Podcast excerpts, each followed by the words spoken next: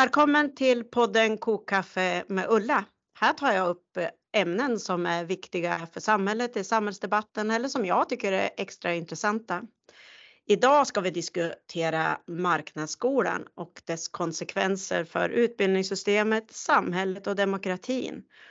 Och vilken gäst är inte bättre på det än Johan Enfeldt. Välkommen Johan! Tack! Du är ju eh, välfärdsutredare på LO numera och har varit så ett tag.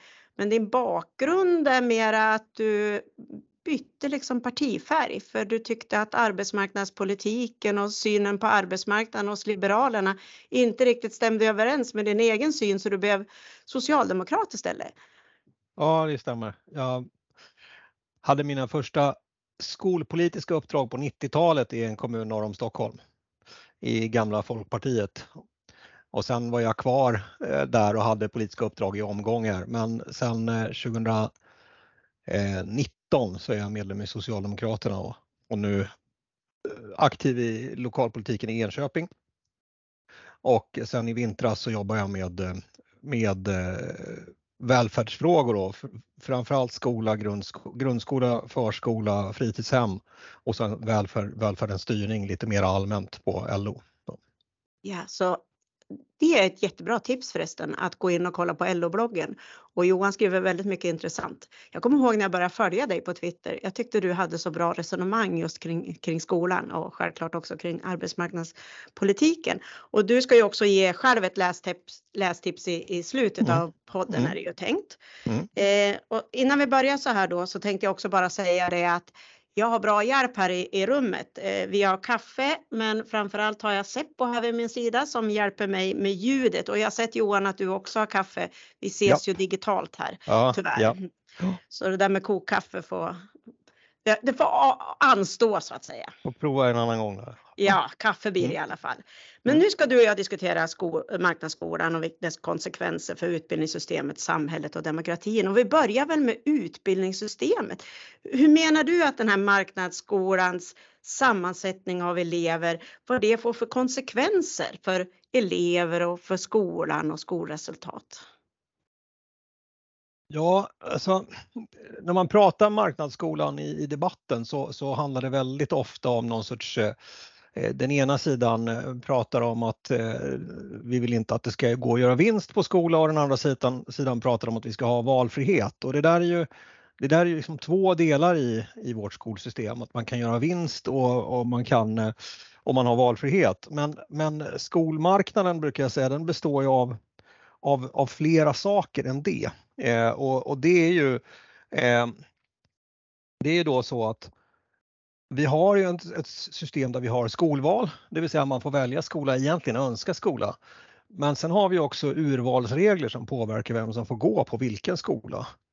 Eh, vi har skolpeng som, som gör att eh, skolor finansieras baserat på hur många som väljer dem. Eh, och, och, sen så har vi då vinsten förstås som vi pratar om. Men så har vi också, också något som heter etableringsfrihet.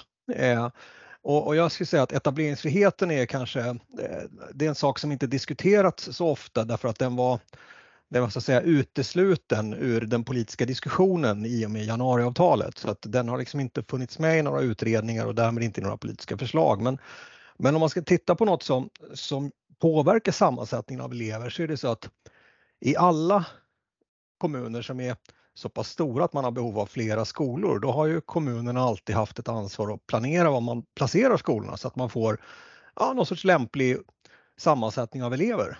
Eh, mm. Och så har kommuner gjort i alla tider men i och med etableringsfriheten så har kommunerna egentligen fråntagits den möjligheten.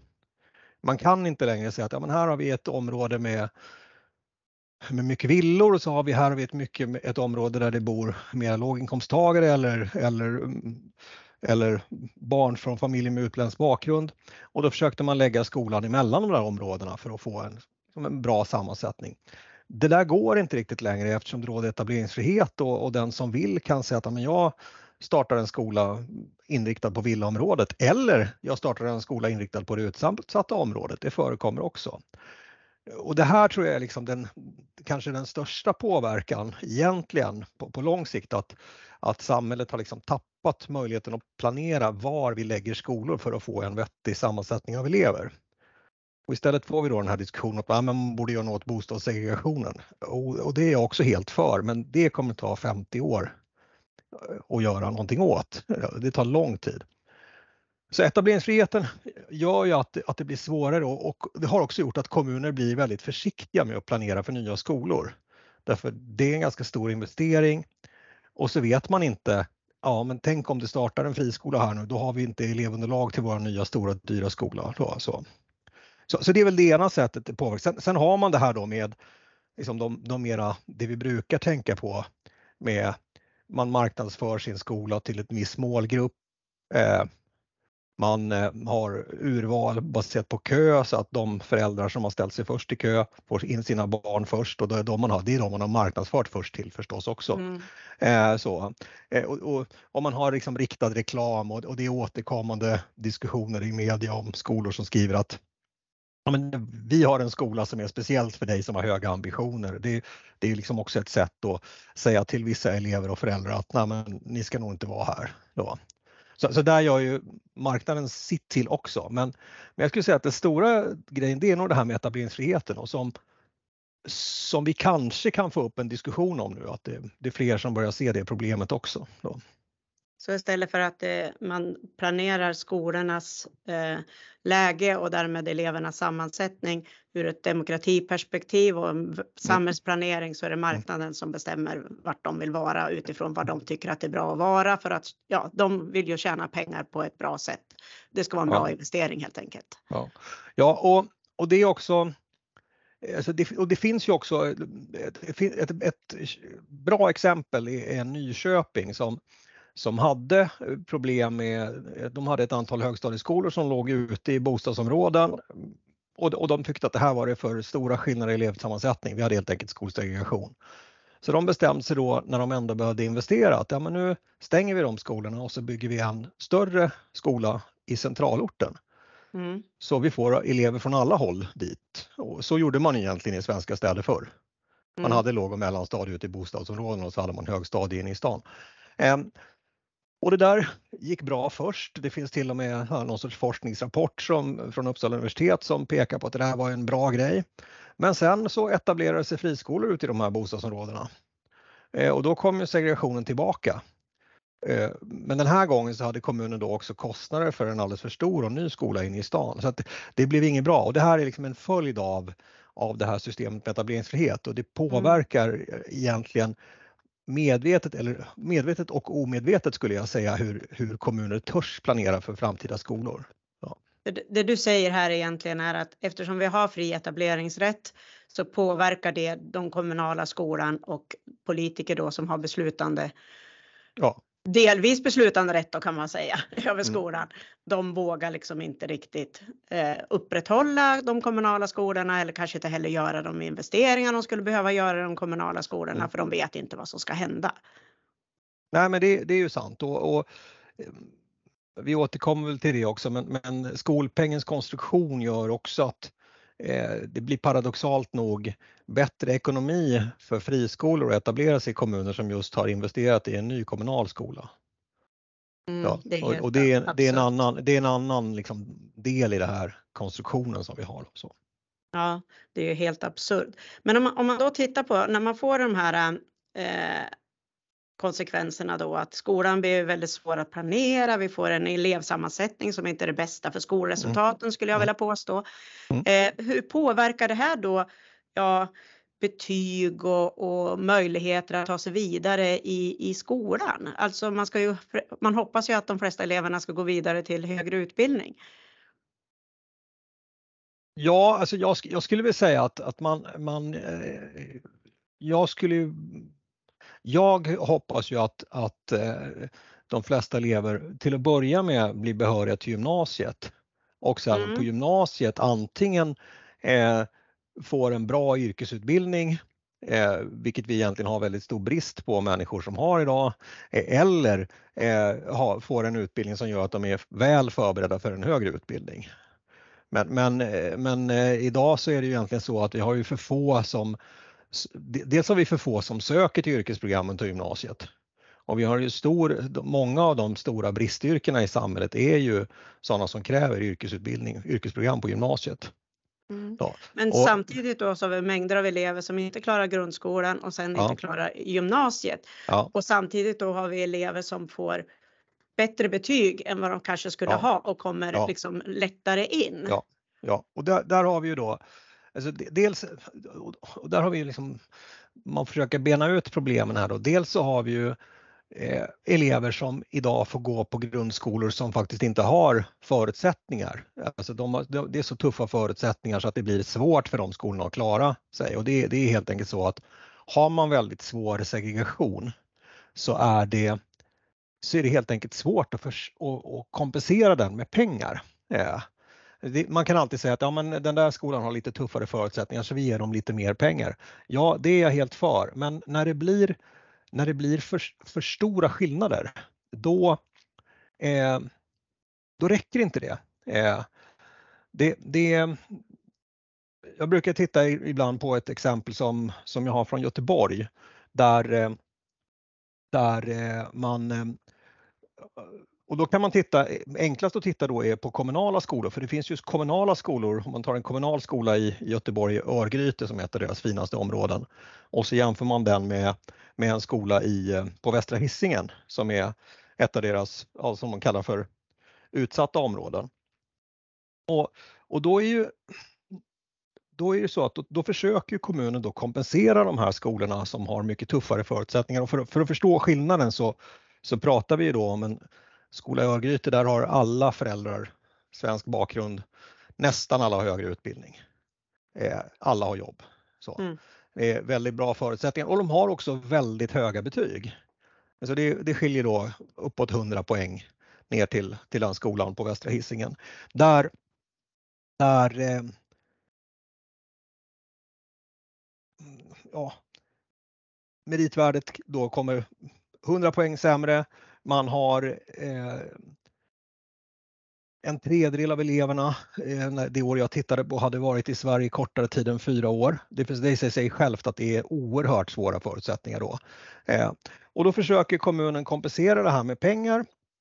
Eh, och, och, eh, om man gör det idag så kan det låta ganska mycket, men, men man säger att man, om man kompenserar med 30-40% högre skolpeng Mm. I Stockholm kompenserar man mer, men, Göte men Göteborg ligger ändå relativt högt. Eh, då innebär det att den här, den här då, för då säger alla politiker säger då att ja, men de där skolorna som har tuffa förutsättningar, de ska ha de bästa lärarna, de ska ha mm. mindre klasser, de ska ha mer stödundervisning. Mm. Det har man hört. Ja precis och, mm. och, då är det så att om man då säger att om vi, om vi då lägger 30-40% mer pengar på en sån skola än på den i Örgryte, då innebär det att för då kan man ju ändå titta på, på en, en klass. För en klass kostar ju liksom ändå ett klassrum och lärare och så. Och om den här skolan i Örgryte kan köra med 30-32 elever per klass, mm. vilket inte är orealistiskt, det är vad de stora friskolekoncernerna gör. Ja, så är det. Då får de, även om de får väldigt mycket mindre pengar per elev, så de får lika mycket pengar per klass som den här skolan på Västra Hisingen får om de kör med 23-24 elever. Mm. Vilket man kan säga då att ja, men då räckte ju pengarna till mindre klasser. Men det finns inga pengar kvar till de bästa lärarna. Ja. Och inga pengar kvar till, till extra stödundervisning utanför klassrummet och så. så, att det, alltså får man väldigt svår segregation så är det helt enkelt svårt att kompensera med pengar. Eh, och det är det ena problemet då rent liksom, livschansmässigt här, att vi får elever som har gått på skolor som inte har rimliga förutsättningar att ge alla elever tillräckliga kunskaper. Och sen det andra problemet vi har då det är det här betygsinflationsproblemet som ju har varit väldigt uppmärksammat nu på senare tid där, där det också finns skolor som och det är ju inte en åsikt idag utan det är ju beforskat att, att det systematiskt eh, ges högre betyg eh, på, eh, i friskolekoncernerna eh, och eh, det, det, är tydligt vilka koncerner det handlar om som sätter mest sådana betyg och det är också tydligt vilka ämnen det handlar om. Mm. Och nyligen kunde vi ju dessutom läsa om läckta, om det var dokument eller vad det var, ja, eh, om, ja. Eh, eller skolbolag tapp, som ja. ja, betygsatte, eleverna betygsatte lärarna efter hur bra betyg de fick och då fick läraren högre lön. Ja, ja det, och, och det blir ju liksom en följd av den här marknadsmekanismen där varje elev ger en sån marginalintäkt till skolan. Då, så. Mm. Men vi kunde ju också höra Handelshögskolans eh, rektor där som gick ut och sa att vi ska ha Ja. antagningsprov för det går inte att lita på betygssystemet längre. Det, Nej. Och det, är, det, och det är ju väldigt intressant att, att eh, en, eh, någon sorts representant för högre utbildning går ut och säger så. Eh, Jag tror att det, det faktiskt fick nog större effekt än vad, vad jag hade kanske kunnat tro. För jag kände att ja, men det här det är ju inget nytt. Det här har ju Skolverket sagt länge. Det finns forskningsrapporter som visar att det ser ut så här.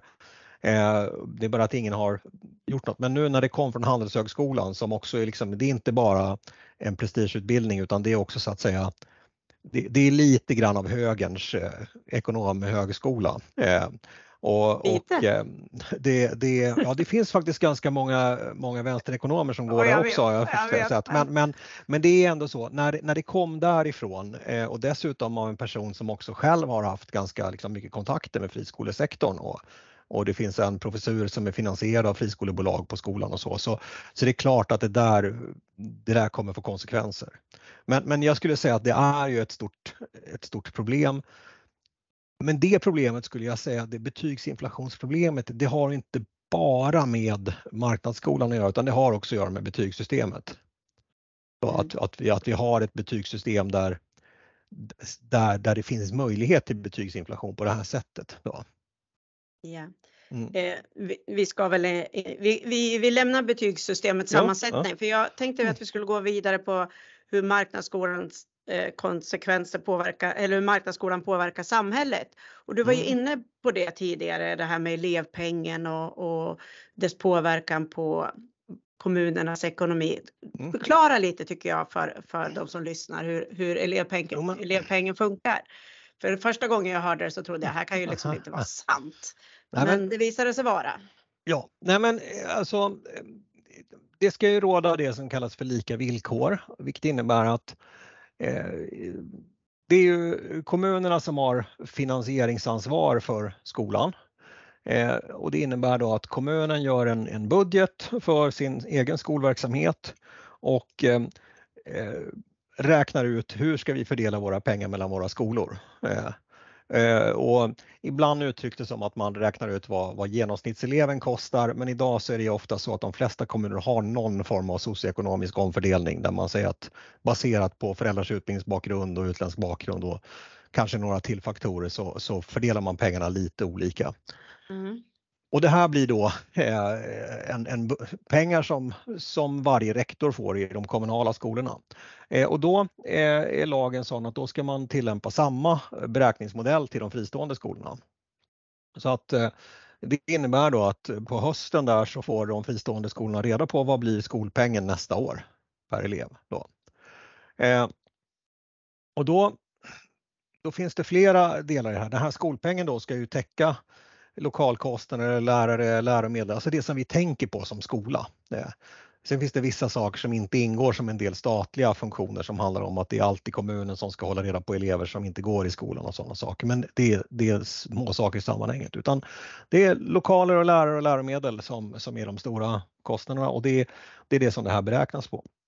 Och då är det så att pengarna till friskolorna fördelas då per, per elev, hur många elever de får. Och innebär att om man har, eh, om man har en klass med 26-27 elever och lyckas locka en till, ja, det är, ju, det är verkligen bra pengar på marginalen och det, det är också eh, och det är också välkänt att det är så affärsmodellen är. Det har Engelska skolans grundare varit helt öppen med att lönsamheten kommer när man går från 30 till 32 elever. För då har man två helt nya skolpengar och inga nya kostnader. Ja, två läroböcker till i bästa fall. Ja, så. Eh, det, det, det är liksom eh, det.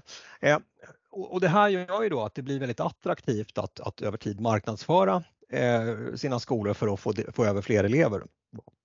Men sen är det då så att, att eh, när en kommuns kostnader ökar, då ökar också skolpengen och, och, och, när ökar då en kommuns kostnader? Jo, det ökar ju till exempel om man är tvungen att bygga en ny skola.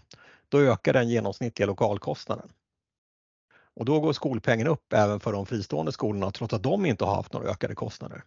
Mm. Eller om man tappar ja. en elev mitt under pågående ja, ja, precis, ja. Mm. Så elev, elevflyttarna är, liksom, det, det är ju ett problem i sig och, och det är också ett pedagogiskt problem. Det, det är många rektorer som säger att vi har liksom, många elever som har trasslig skolgång idag och inte har lyckats. De har allt för ofta bytt skola väldigt ofta. Så det är liksom en, man lockas med ett nytt koncept någonstans och så mm. funkar inte det och så flyttar man vidare och det blir ett pedagogiskt problem också. Men ekonomiskt är det ju väldigt problematiskt och det blir också väldigt kortsiktigt. En rektor kan tappa eh, och det finns ju också det här att, att ibland så är det så att det är en elev som slutar och sen så är det några kompisar som följer med och då har man plötsligt tappat tre, fyra elever ur en klass. Mm. Eh, och då är det en ganska stor andel av pengarna som är borta. Då.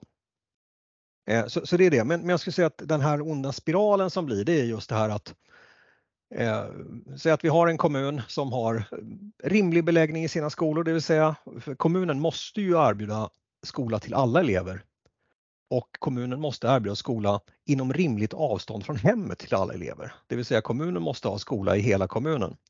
Friskolorna de bestämmer ju själva var de startar. Då. Och eh, om vi då tar en kommun som, säg att en kommun har fyra, fem skolor och de har rimligt, rimligt antal elever i alla klasser så får ekonomin att gå ihop. Sen startar det en friskola i ett område där de tycker det är attraktivt. Då försvinner det elever från skolan närmast, men det kommer också försvinna elever från alla andra skolor. Då får man så att säga överkapacitet i alla de andra skolorna. Det vill säga om jag förut hade 26 elever i snitt i klasserna så kanske jag har 24 elever i snitt i klasserna. Men jag måste fortfarande ha lärare mm. och jag måste fortfarande ha lokaler. Det enda jag har sparat in är några läroböcker, vilket är väldigt lite pengar i sammanhanget. Och det innebär att då går ju kommunens snittkostnad upp. Så att friskolan, friskolan etablerar sig, tar skolpengar för några elever som kommer dit. Nästa år så kommer skolpengen vara högre. Och det här vet friskolan att om vi lockar elever så att det blir tomma platser lite varstans i de kommunala skolorna, då kommer skolpengen vara högre nästa år. Det är en jättebra investering, eller ja, hur? Det, ja, är det så här ja, vi ska det... få bra pension? Investera i friskolor, eller?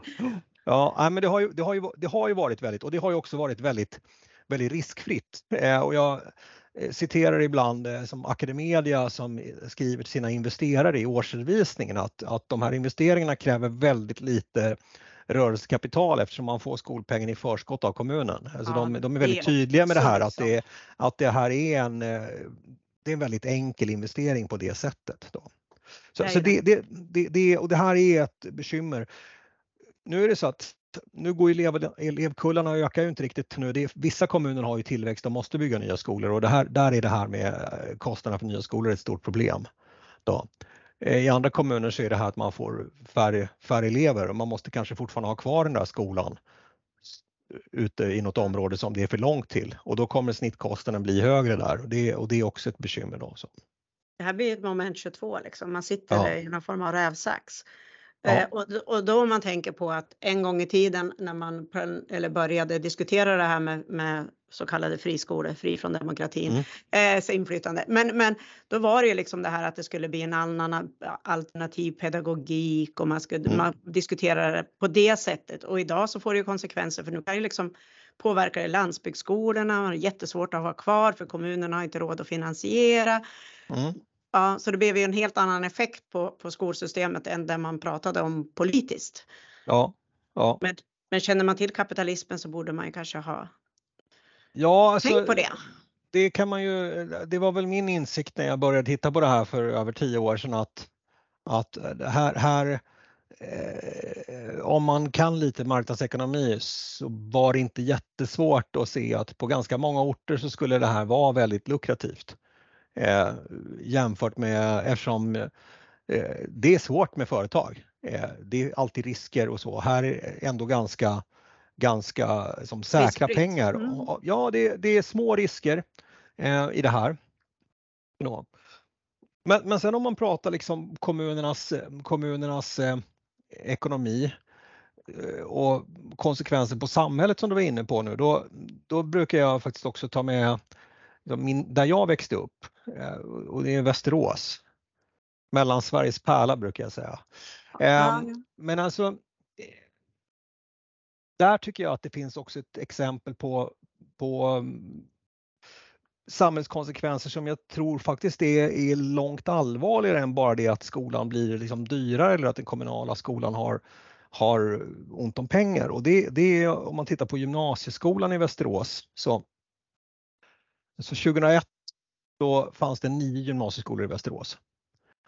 Eh, och de hade i alla fall i snitt över 500 elever per skola. Då. Och nu? Och nu så eh, har de 23 gymnasieskolor. Mm. Eh, och, och, då är vi nere på 300 elever per skola. Och, och det, här, det här exemplet brukar jag ta upp när någon, när någon säger att Nej, men det är inte sant att det inte finns demokratisk kontroll. Det är demokratiska beslut som styr skolsystemet och det är ju sant att det är demokratiska beslut i riksdagen som har utformat skolsystemet. Men om man tittar på skattebetalarna i min hemstad Västerås så de har inte fått säga någonting om hur många gymnasieskolor det ska finnas. Nej. Därför det har, det har skötts av, av marknaden, alltså det har varit lönsamt att driva gymnasieskola och av etableringsfriheten.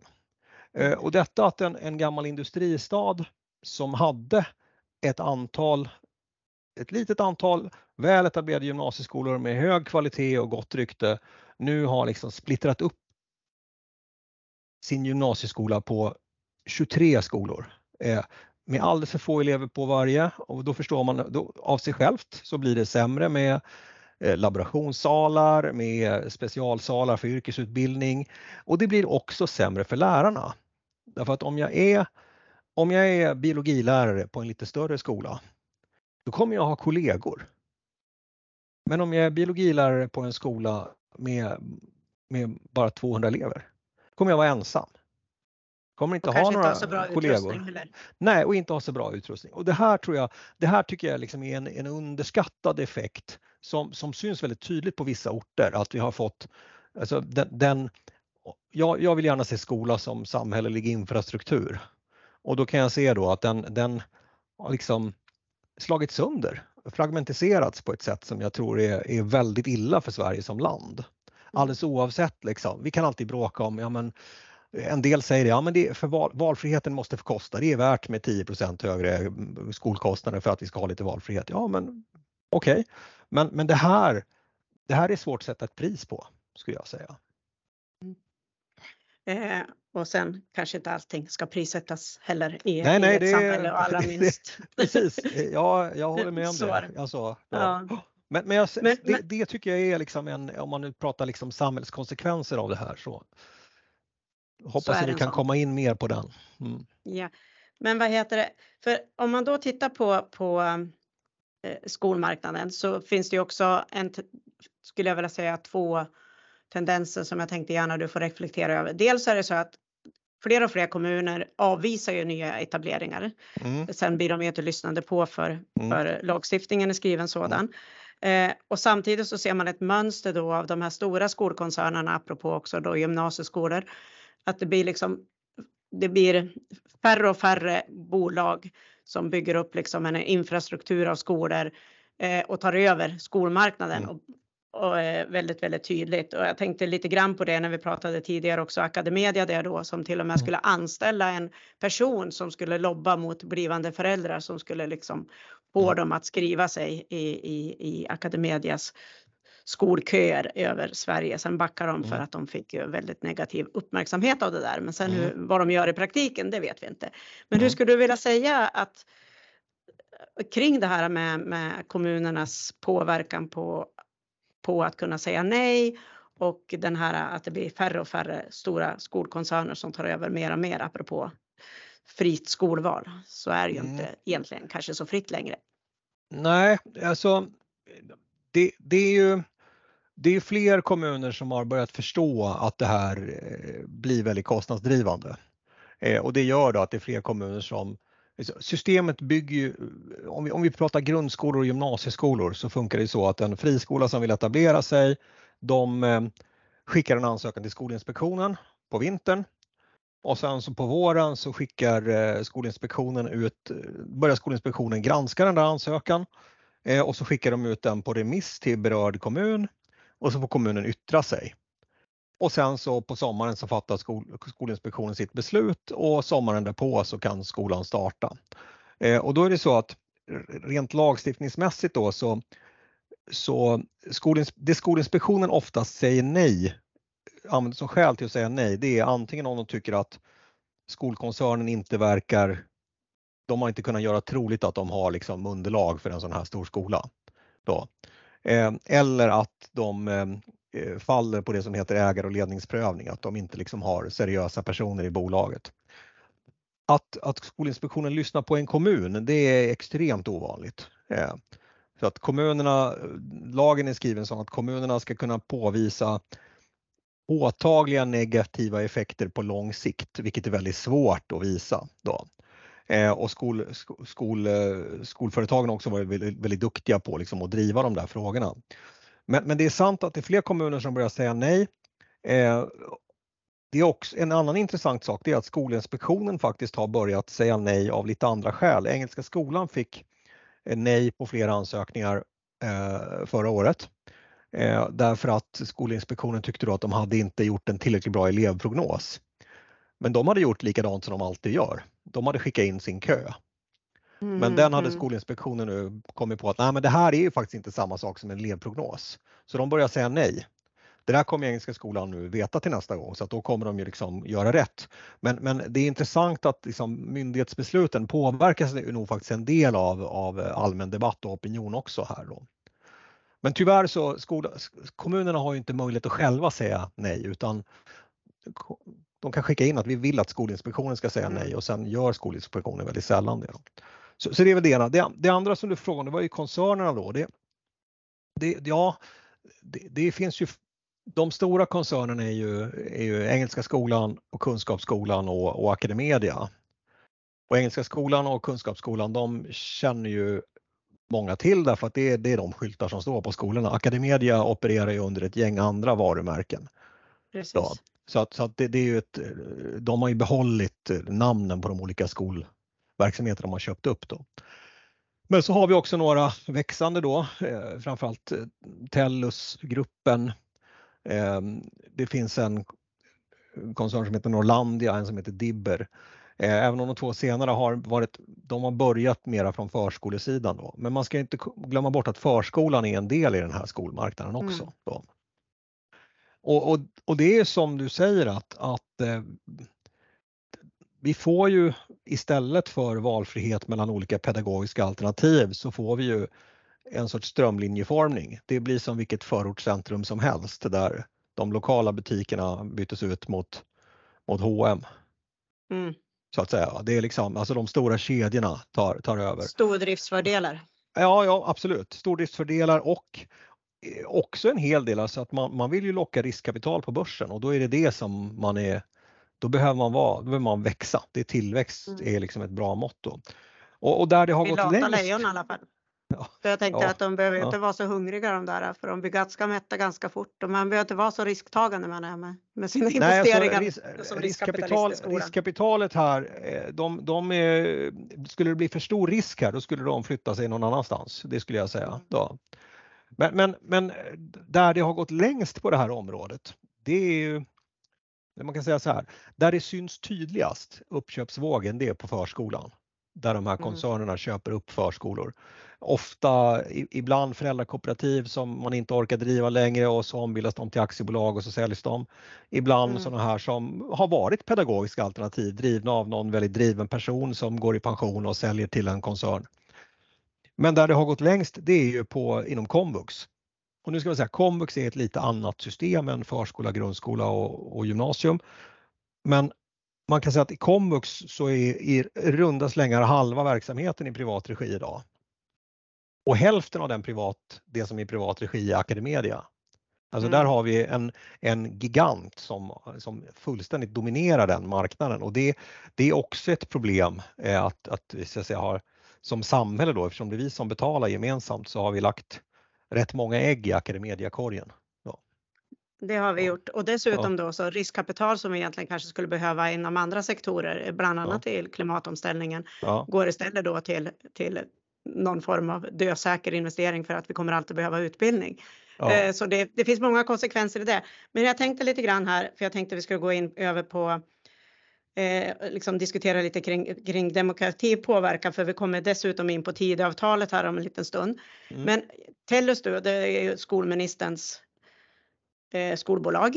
Eh, och ja, hon, tänkte, hon, satt i, hon satt i styrelsen för Tellus. Ja, ja, ja. ja, ja. jag visste inte hennes ja, skolbolag, men, det, nej, men det, hennes koppling det, i alla fall. Ja, det är grundat ja. av en, en, eh, en tidigare folkpartist som satt i partistyrelsen för länge sedan och som, som hon känner väl. Ja, ja och mm. som mm. serverar knäckebröd och har lås på kylskåpen och allt vad det kommer fram. Ja, men i alla ja, fall ja. så tänkte jag så här. Hur, hur, på, marknadsskolan påverkar ju demokratin. Eh, men om man tittar på, på den folkliga viljan så är det ganska tydligt att man tycker att det här har gått för långt och att man tycker att pengar vi betalar ska gå till eleverna och man ser alla konsekvenser och alla larmrapporter som kommer. Men ändå kan de här fortsätta precis som det inte finns någon folkopinion mot det här. Hur skulle du vilja förklara det? Varför ändrar sig inte beslutsfattare? Um, ja, um, det finns nog flera, det finns flera skäl till det. Um, ett skäl, det är ju att eh, arkitekterna bakom det här systemet har varit väldigt skickliga på att skapa ett regelverk som faktiskt är ganska svårt att ändra på. Eh, alltså, det, det, de, de har lyckats bra med att skapa ett regelverk som gör att systemet har överlevt oavsett vem som har styrt. Det är liksom det ena. Men sen så är det nog så att eh,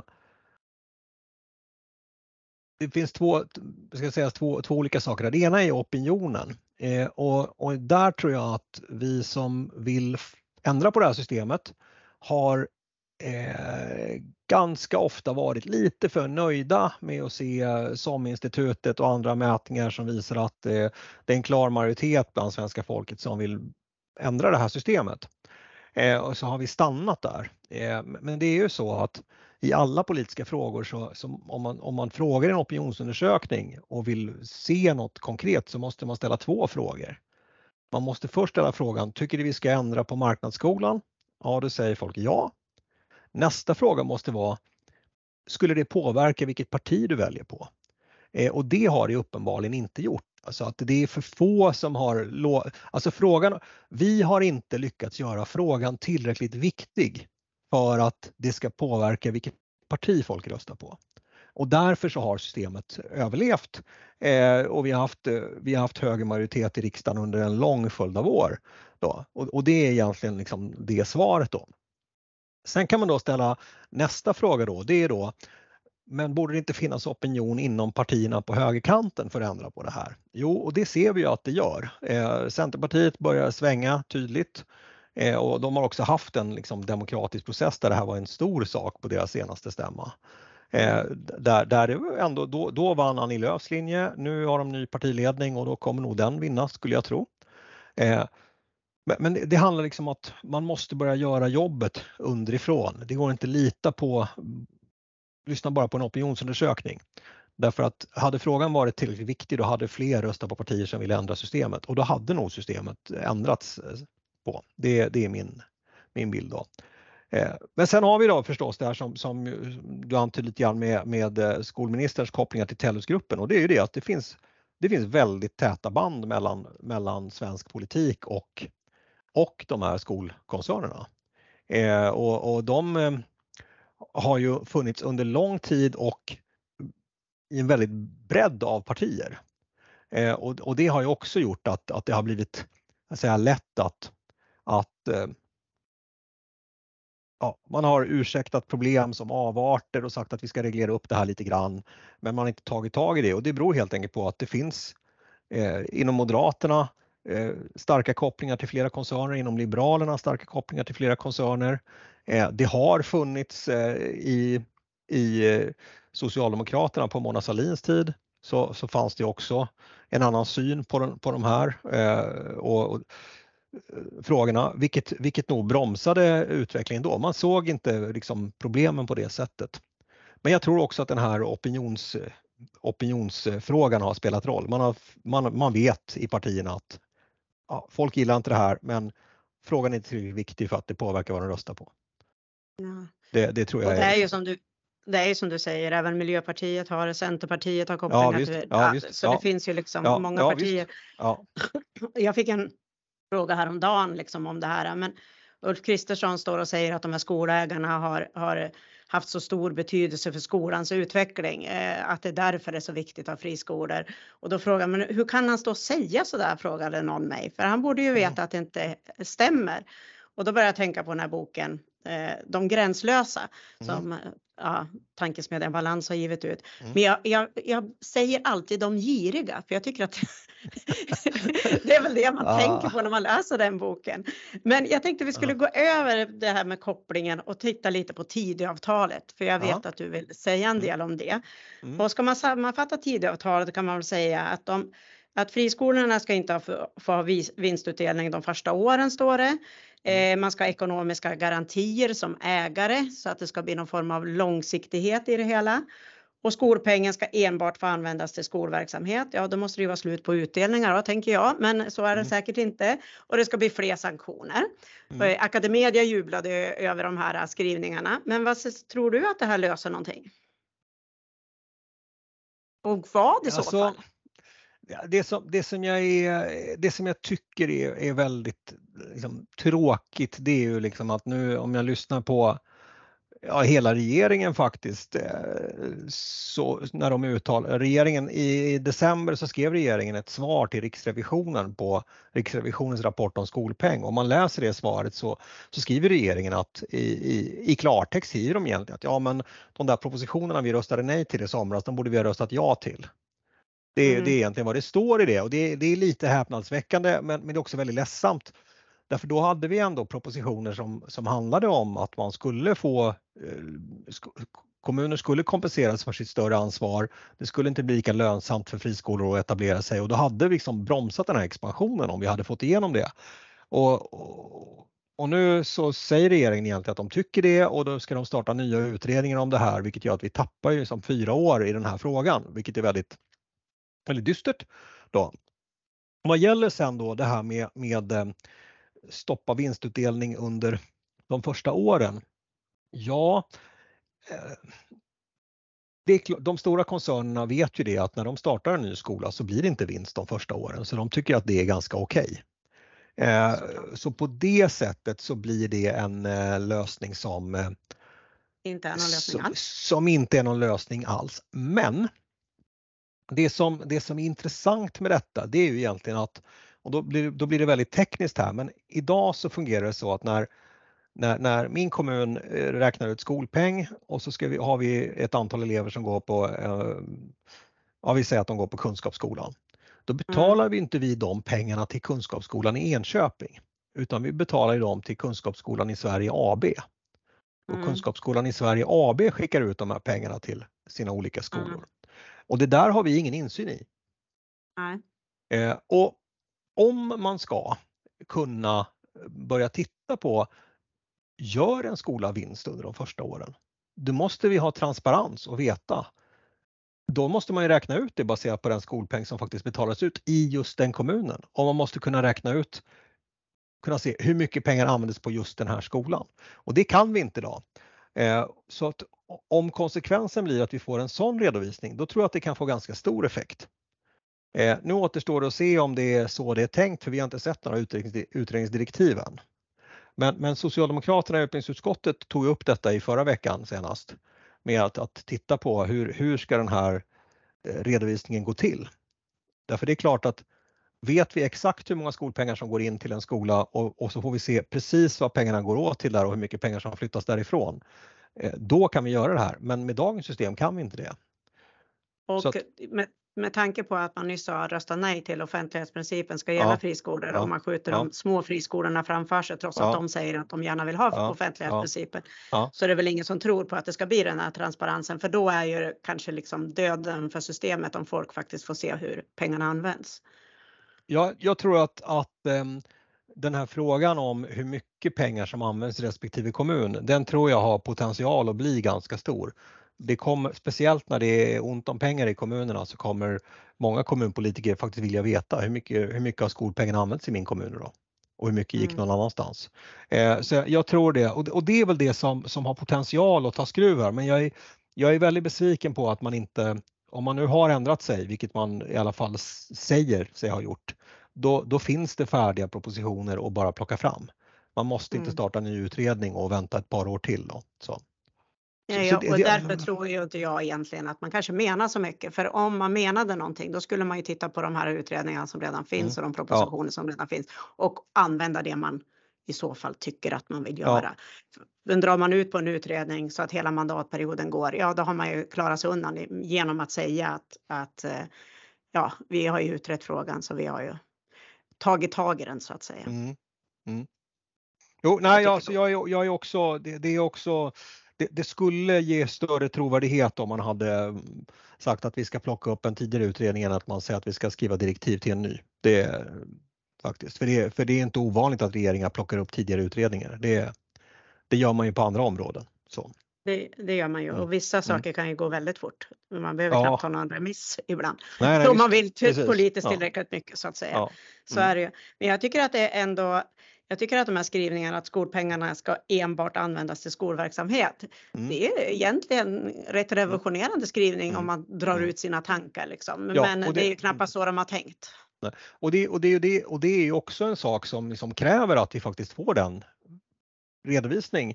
Alltså I Norge pratar man om, om ehm, att varje skola är en, en egen, vad är det nu de kallar det för där? Ja, det, varje skola blir en, en, ehm, en egen enhet i redovisningen. Man ser precis hur mycket pengar som går dit och man ser precis hur mycket pengar som går därifrån. Eh, och, och, då får man ju en möjlighet att faktiskt se hur mycket blev det skola här. För att Mm. i, idag så vet vi ju, vi, i, idag så kan vi överslagsmässigt räkna ut hur mycket pengar som, som försvinner från en skola givet eh, i alla fall börs, de börsnoterade företagens redovisning.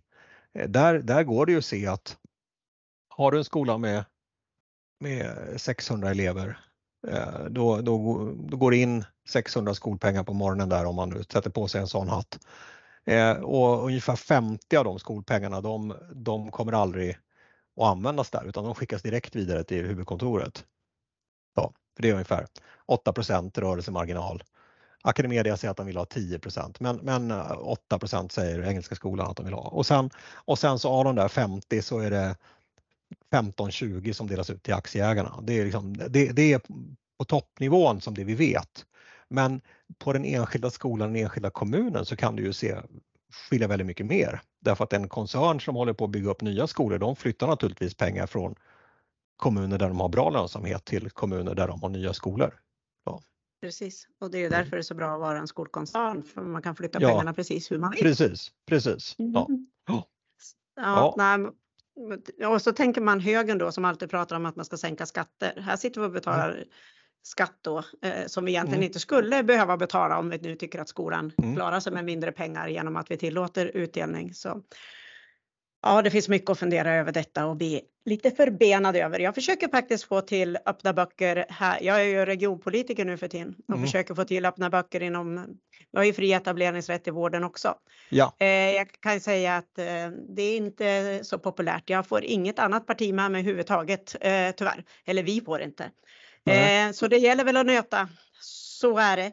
Men Johan, är, vad säger du? Nu börjar våran tid rinna ut här. Tror du att Tidöavtalet kommer göra någon skillnad överhuvudtaget för skolan? Och vad skulle du vilja se för förändringar? Alltså, Tidöavtalet. ehm, alltså, det som, det som nu kommer göra skillnad det är ju att ehm, även högern säger nu saker som eh, sådana som jag blev så att säga stämplade som kommunister för att säga för bara ett och ett halvt år sedan.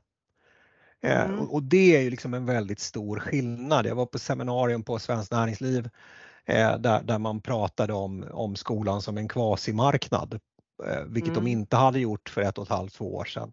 Eh, ma- man, det finns liksom en insikt om det här och, och man pratar om problemen på ett, på ett helt annat sätt eh, även på högra sidan i politiken och det tror jag det, det kommer ju få någon form av konsekvenser.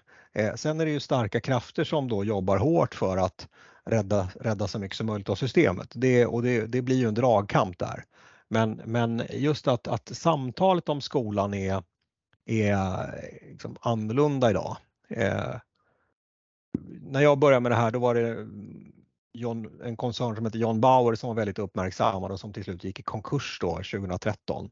Och det var en stor skandal och, och då var det många i politiken också från höger sa att det här, så här kan vi inte ha det, vi måste styra upp det här, vi ska inte ha kortsiktiga ägare och allt vad det var. Men sen mm. hände det ingenting. Eh, och det berodde på att då fanns inte liksom samtalet om skolan och de stora samhällskonsekvenserna fanns inte på den nivå som det finns idag. Egentligen har vi ganska liknande skandaler eh, som, som händer nu. Eh, bara att det, liksom, det blir fler och fler och det, det är något nytt nästan varje vecka. Eh, men, men det finns också en mycket bredare insikt. Alltså vi har eh, borgerliga, borgerliga ledarskribenter i, i så gott som alla tidningar utom två eh, som, som, skriver regelbundet om problemen med det här systemet. Eh, så, så det, tror jag, det tror jag kommer att ha effekt. Eh, om det sker någonting nu inom ramen för Tidöavtalet, det, det återstår väl att se. Det, vi har fortfarande inte sett direktiven till de här utredningarna. De kommer väl ge en viss fingervisning då. Men, men det som är tråkigt är att, att utvecklingen hinner fortsätta några år till. Det kommer ja. den att göra. Ja. Och det är ju som du säger, det finns ju starka krafter som, som sätts i rörelse när system mm. som man har tjänat mycket pengar på eh, mm. ifrågasätts och man vill ändra i dem. Jag tänkte mm. på när vi hade den där Reepalu-utredningen en gång i tiden och Sverigedemokraterna innan gick till val på att man inte skulle få ha aktieutdelning i skolan och sen var det många som stod i deras korridorer och uppvaktade dem och, och så. Sen ändrade de sig och sen dess har de gått på mm mm. på bolagens sida så att säga. Så det finns många krafter i rörelse. Mm. Ja, det gör det verkligen. Ja. Och, och det, det, tror jag ändå kommer hända. Och, och jag tror också att, att en, en liksom nyckelspelare i det här nu, det är, det är faktiskt eh, de, de riktiga företagen i svenskt näringsliv. Så. Därför att de, de har ändå visat nu, de har satt ner foten i några viktiga frågor inom gymnasiet eh, vad gäller att eh, återinföra högskolebehörighet på yrkesprogrammen eh, som de har egentligen tvingat högern till att gå med på. Eh, och de har också tvingat igenom en reform som faktiskt tar de första stegen mot att begränsa etableringsfriheten i gymnasieskolan. Inte några stora steg, men det är ändå så att det, det, det beslutades en reform som faktiskt begränsar etableringsfriheten lite grann. Eh, och, och, och, det kommer sig av att de riktiga företagen ser att det här, vi får inte ut den kompetens vi behöver. det eh, påverkar och, deras det påverkar, möjligheter det påverkar, till arbetskraft. Då. Ja absolut. Och, och, mm. och, jag tror att det tror jag är en, en, en viktig sak som, som nog, om den utvecklingen fortsätter, då kommer det spela stor roll. Och det är lite grann det som man faktiskt ser med Handelshögskolans rektor också. Det är lite grann ett utslag av samma sak det är en, en näringslivsföreträdare ytterst som säger att det här funkar ju inte. Då, då. Det påverkar hela samhället. Det ja. påverkar hela, oss alla. Det påverkar mm. demokratin och hela ja, samhället vi ska leva i tillsammans och bygga ja, det, tillsammans. Det, det, är ju som vilka ska jobba med, med jobba i äldreomsorgen när jag behöver den. Liksom. Det är ju det som är frågan här. Så. Det, det, skulle vi behöva många program om. Eh, så ser det ut. Ja. Men, men, Johan, stort tack. Så här i slutet då, eh, lite lästips eh, som du vill dela med dig av? Ja, eh, jag tänkte nämna eh, alltså det, lite grann på vad man vill läsa, men det finns en, en, en antologi som heter När skolan blev en marknad som, som eh, eh utgiven av Natur och kultur. Eh, och då ska jag, det, jag har varit aktiv i många år något som heter Nätverket för, Nätverket för en likvärdig skola och det var vi som låg bakom den och den innehåller skrifter från olika personer som, som har med skolan att göra. Det innehåller intervjuer med beslutsfattare som var med på den tiden när, när den här reformen blev till. Eh, och det innehåller texter från forskare, så det är ganska liksom, bred palett av texter i den. Så den tycker jag är intressant om man vill liksom, skapa sig en bild av vad, hur hamnar vi här då. Så. Mm. Ja. Eh, det tycker jag lät som ett bra lästips. Ja. Mm. Och skulle jag säga något, något som är lite äldre så, så, tycker jag att om man nu pratar liksom konsekvenserna av skolpeng och eh, marknadsskola och sånt brett, så, men då är det på engelska. Då finns det en bok som heter Our Kids av en amerikan som heter Robert Putnam. Som egentligen, ja, ja. Eh, han, han, det han, tittar, han tittar på några amerikanska samhällen och ser hur skolan liksom, hur, hur de små samhällena såg på skolan som någonting för våra barn till att bli skolan för mitt barn. Eh, och, och, det tycker jag är en, eh, det är också en ganska, det är en ganska ledsam historia men, men jag tycker att det är mycket av det som är applicerbart på hur vi har börjat se på skola här eh, och, och, hur vi ser på välfärd i stort, att vi får den här kund, eh, kundstyrningen då där det, det, det blir liksom inte skolan för hela, område, hela områdets barn utan det är skola för mitt barn eh, och vad det gör med ett samhälle. Då. Så. Vi lever just i ett sådant samhälle. Det ja. inte våra är det gällande längre utan nej, det är mitt. Nej, nej visst. Tyvärr, så är det ju. Mm. Men, men, Johan, stort, stort tack eh, för din klokskap och för ditt mm. bidrag till att vända den här äh, utvecklingen, att vi ska komma bort från marknadsskolan. Någon dag ska vi väl komma dit, eller hur? Ja, det tror jag. Det tror jag. Jag får tacka för att vi fick vara med. Mm. Tack mm. ska du ha. Tack.